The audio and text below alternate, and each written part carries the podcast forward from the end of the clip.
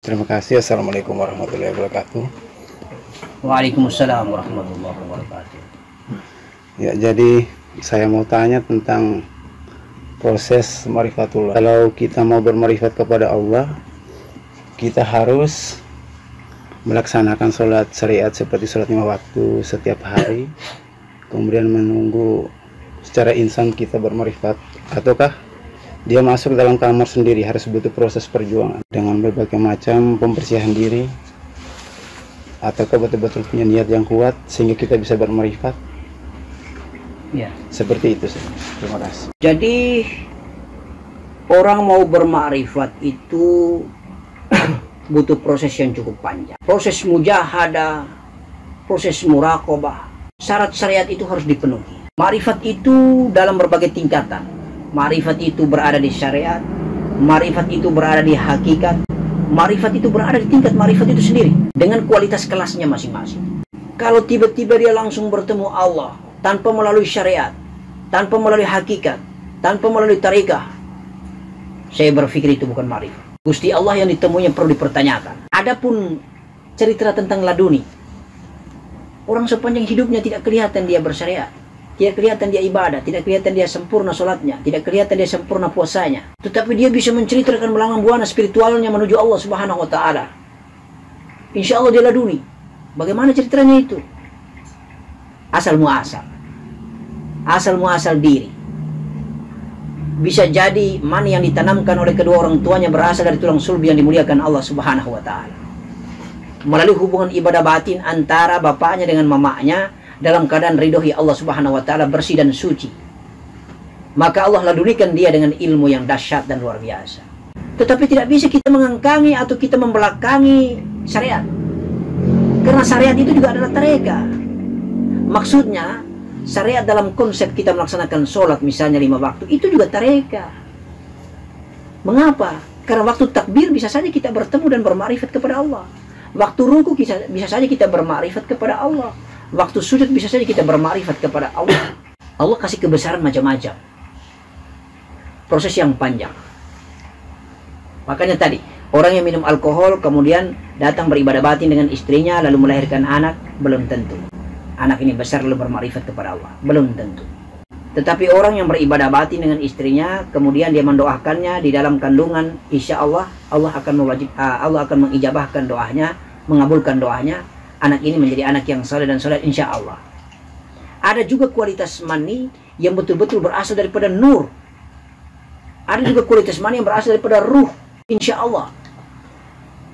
Sumber daripada mani-mani ghaibiah inilah yang akan membuat jasad manusia lahir di muka bumi dalam keadaan laduni Allah Subhanahu wa taala. Tetapi bagi kita yang lahirnya normal biasa karena ibadah kepada Allah Subhanahu wa taala waktu beribadah dengan istri kita menjadikan kita sebagai anak yang soleh dan soleh butuh kita mengikuti syariat yang panjang. Harus capek kita dengan Allah. Ibadahnya kita secara syariat betul-betul kita utuh. Rasulullah saya sholat sampai dengan kakinya bengkak. Itu tanda patuh dan taatnya kita kepada Allah. Tangan dan kaki kita sudah taat kepada Allah mulut kita taat kepada Allah, bibir kita, mata kita, telinga kita, kaki kita, tangan kita, semuanya itu digembleng, dimujahadah betul habis-habisan. Baru Allah keluarkan nur dan cahayanya. Baru mulai konsep perjalanan itu terjadi. Karena raga ini dibersihkan dengan cara melaksanakan syariat. Membaca Al-Quran tidak pernah lepas. Menghatamkan Al-Quran dengan nazar yang tidak pernah lepas. Melaksanakan puasa, berbagai macam puasa, wajib dan puasa sunnah melaksanakan sholat sampai dengan sholat sunnah sunnah sunat tahajud sunat dua dan sunat berbagai macam dijalankannya bertafakur dan bertatatur sholat syariatnya jalan tafakurnya jalan di kala dua per tiga malam setelah habis sholat jadi butuh proses karena cara bertemu Allah menurut ajaran Islam yaitu tidak ada cara bertemu Allah dengan cara semedi atau cara meditasi. Itu agama lain punya bukan Islam. Islam punya cara bertemu Allah ajaran dengan jalan melaksanakan rukun Islam. Jadi syariat itu penting. Di balik daripada kejayaan syariat itu, pahalanya, sunnahnya, hadiahnya dikasih oleh Allah melalui para malaikat dan waridnya, insya Allah jikir kita dikasih hadiahnya itulah nur dan cahaya itu terang karena saking bersih dan sucinya kita dengan raga kita ketemu Allah terus waktu kita menjalankan syariat itu. Syariat itu anta melaksanakan sholat lima waktu, anta menjalankan atau membacakan Al-Quranul Karim, Al-Furqanul Aziz, atau entah melaksanakan zikir, entah melaksanakan wiritan, atau melaksanakan puasa sunnah dan puasa wajib. Yang penting niat kita mau bermakrifat kepada Allah. Ilahi anta maksudi, waridoka matalubi, a'atini mahabbah wa ma'rifatuka jalali wal ikram. Kadang orang membacakan Al-Quran tiba-tiba dia kasaf. Itu juga bertereka. Kadang orang menjalankan puasa dia tidur dalam keadaan naumnya, saumnya, puasanya dia kasaf diperjalankan spiritualnya menuju Allah Subhanahu wa taala. Karena sementara jikir Allah tidurkan dia, kemudian ruhaninya, spiritualnya jalan bertemu Allah. Karena dia melaksanakan sholat, waktu takbir langsung lihat. Lalu tidak sadar lagi orang menjalankan ruku, menjalankan sujud, dia tidak, tidak sadar lagi. Ada yang mati, sakratul maut menjemputnya dalam keadaan dia sujud kepada Allah waktu sholat syariat. Itu semua adalah tahapan-tahapan yang harus kita lalui dalam permujahadah ini. Dalam perjihadah ini. Tidak ada ceritanya orang hanya duduk saja, tafakur semedi, kemudian bertemu Allah. Itu bukan ajaran Islam. Tafakur itu adalah tahapan yang tinggi. Sama dengan kelas medit meditasi, tetapi hanya beda istilah. Dan beda teknis dan tata caranya. Tafakur itu sudah tingkat yang kedua setelah melaksanakan syariat. Melaksanakan sholat mulai dari takbir sampai dengan salam. Tafakur itu berarti berpikir, merenung diri, menghisabah diri, menghitung-hitung diri, menyesali diri, beristighfar sampai menitiskan air mata, lalu berjanji kepada Allah untuk tidak menjalankan lagi perbuatan dosa itu. Itulah tafakur. Kemudian hadiah daripada tafakur itulah Allah kasih perjalanan spiritual. Bermiraj kita kepada Allah Subhanahu wa taala. Dengan olahan-olahan manajemen jikir yang baik. Entah melalui jikir zahir, entah melalui jikir kolbi, atau melalui jikir nafas. Dan tingkatan-tingkatan tidak bisa kita lompat. Harus melalui butuh tahapan dari dasar. Engkau harus bersihkan dulu darah, daging, tulang, kulitmu. Engkau harus bersihkan dulu jantung, empedu, limpa hati dan paru-paru. Engkau harus bersihkan dulu dubur dan istinjamu. Engkau harus bersihkan dulu kemaluanmu dari perbuatan-perbuatan yang berzina, maksiat. Engkau menjaga sembilan pintu jasad, yaitu dua pandangan mata, dua pendengaran telinga, satu lubang mulut, dua lubang hidung, kemudian lubang dubur dan lubang kemaluan. Sembilan pintu itu kau harus rawat, kau jaga dia baik-baik, agar terowong pintu itu masuk dengan keadaan yang baik-baik di hadapan Allah, bersih dan suci. Dan itu butuh mujahadah yang panjang, tidak singkat. Kalau semua itu sudah didatangi oleh nurnya Allah Subhanahu wa taala, maka menjadi kasaf penglihatan kita. Maka bebas sudah kita berjalan seperti jalan tol menuju Allah Subhanahu wa taala, menuju negerinya Allah Subhanahu wa taala. Syaratnya cuma itu saja. Maka syariat itu merupakan pondasi dasar pijak untuk kita jalani. Itulah sesuai dengan keinginan baginda Nabi Muhammad sallallahu alaihi wasallam. Jadi kalau Allah sudah kasih kita kasar, Allah sudah kasih kita berjalan, bertemu dengan Allah, insya Allah sholat tidak pernah kita lepas lagi. Tafakur tidak pernah kita lepas lagi. Karena kita melaksanakan sholat takbir sampai dengan salam dalam keadaan kita tahu dan kita kenal di mana Allah berada. Panjang, panjang jalan cerita ini. Adapun di karunia Allah perjalanan spiritual itu pun hidayah dari Allah. Bicara begini enak, gampang, tapi amalnya butuh perjuangan yang cukup panjang. Butuh kerendahan hati, butuh kebersihan hati, butuh merendahkan diri, tidak boleh takabur dan sombong. Kita berdialog dengan Allah Subhanahu wa taala. Baru Allah sayangi kita. Karena hanya Allah yang pantas dipuji. Alhamdulillah. Segala puji itu hanya untuk Allah. Kita nih makhluk hamba Allah yang hina dan papa. Pantas dicaci, pantas dimaki, pantas dihina. Tidak bisa kita ikuti seperti di Google misalnya. Orang langsung bilang, ini cara ajarnya nafas. Eh, masuk keluarnya nafas, nafi isbat. Langsung kau amalkan. Tanpa kau kasih bersih diri dulu. Tidak ada ceritanya Allah mau kasih hidayah buat kau langsung kau bertemu Allah. Kalau itu terjadi, tidak pakai dengan syariat dulu, maka Allah tidak akan ajarkan baginda Nabi Muhammad dengan cara syariat ini. Kau tidak akan bertemu bernama nurnya Muhammad. Asal kejadian karena bahan baku ciptaan Allah adalah nurnya Muhammad. Baginda Nabi bersabda itu, ana min nurillahi wal alamina min nuri. Aku berasal dari cahaya Allah dan karena cahayaku ini seluruh alam tercipta. Maka bahan baku ciptaan alam ini adalah nurnya Muhammad. Bagaimana engkau mau bertemu dengan nurnya Muhammad? Bagaimana engkau bertemu dengan pencipta Nur Muhammad yang bernama Allah Subhanahu wa taala dalam keadaan engkau tidak menjalankan syariat atau sunnah kebiasaan Nabi Muhammad jasad daripada Nur Muhammad itu sendiri. Apalagi engkau tidak mengakui dia sebagai seorang nabi maka engkau kafir. Kalau engkau sudah mengakui akidahmu itu bahwa asal asal dirimu ciptaan yang lain pun dari nurnya Muhammad maka engkau harus menjalankan syariat jasadnya. Apa syariat jasad Nabi? Itulah rukun Islam yang diajarkan kepada kita urusan hidayah ilham ilahiyah dari Allah Subhanahu wa taala itu adalah urusan Allah. Kita punya tugas adalah membersihkan diri dan mensucikan diri. Lalu menjalankan syariatnya. Gitu. Setelah kita menjalankan syariat, kita sudah melalui lampu tafakur, mengamalkan amalia zikirullah, amalia tasawuf, insya Allah tentang kita bisa berjalan menuju spiritual kita berjalan menuju Allah itu adalah gawean kebesaran dan kekuasaan Allah Subhanahu wa taala.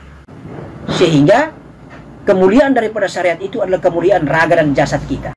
Raga dan jasad kita kalau sudah dijubahi oleh cahayanya Allah Subhanahu wa taala, oleh nurnya Muhammad, insya Allah di dalam kubur kita utuh, tidak dimakan tanah.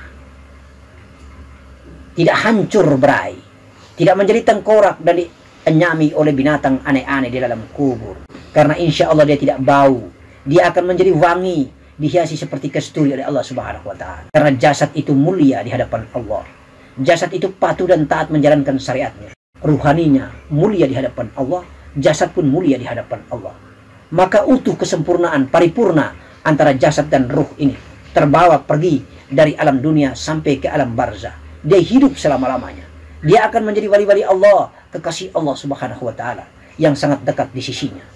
Pantaslah orang ini meninggal disebut inna lillahi wa inna ilaihi raji'un. Dari Allah kembali ke Allah Subhanahu wa taala. Maka pertanyaan Retno itulah jawabannya.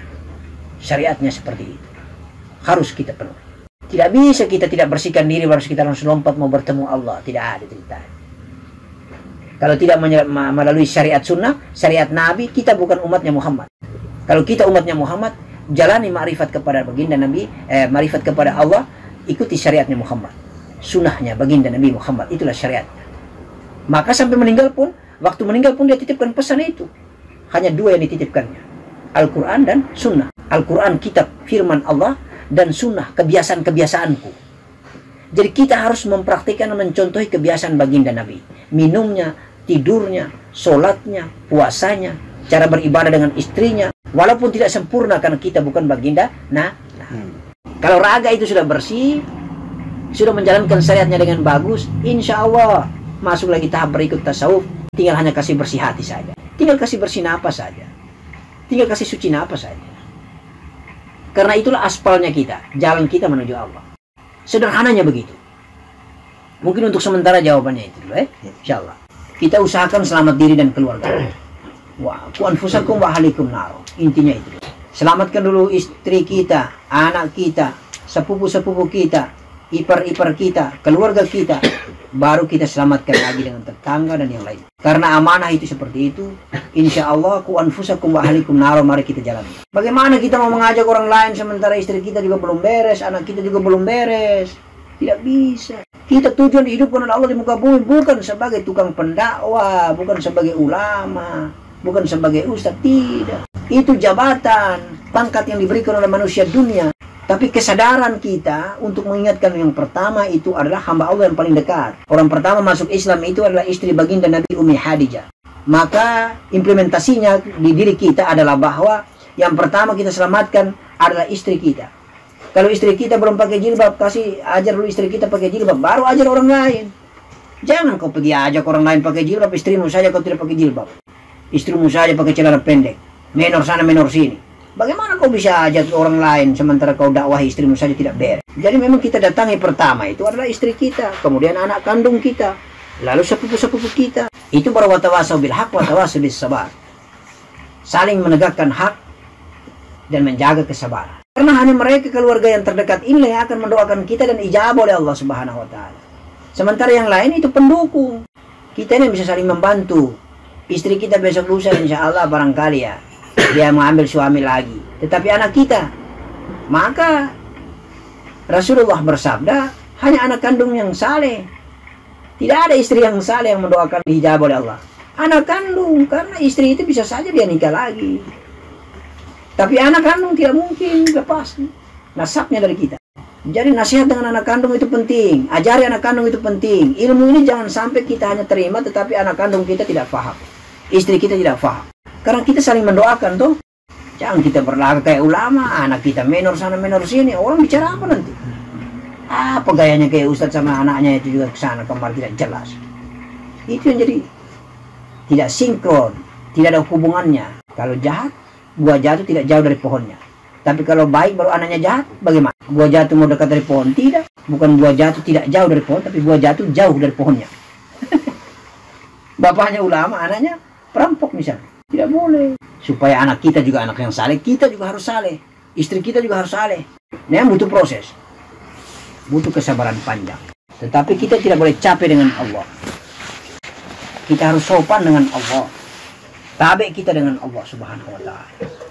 Allah sudah kasih kita cukup banyak.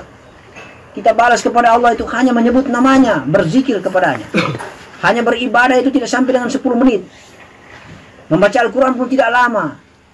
Bersedekah pun adanya karena memang harta miliknya. Kalau kelebihan mari kita bagi kepada yang tidak mampu. Kalau ada kesempatan naik haji, naik haji kalau mampu. Insya Allah itu bentuk daripada sopannya kita, tabeknya kita kepada Allah Subhanahu wa taala. Taatnya kita kepada Allah bahasa agamanya. Bahasa agamanya itu taatnya kita, patuhnya kita, tabeknya kita. Kalau kedua orang tua saja kita tabe, apalagi Allah. Harus lebih kita tabe dari segala makhluk ciptaannya. Allah Akbar. La ilaha illallah Muhammad Rasulullah.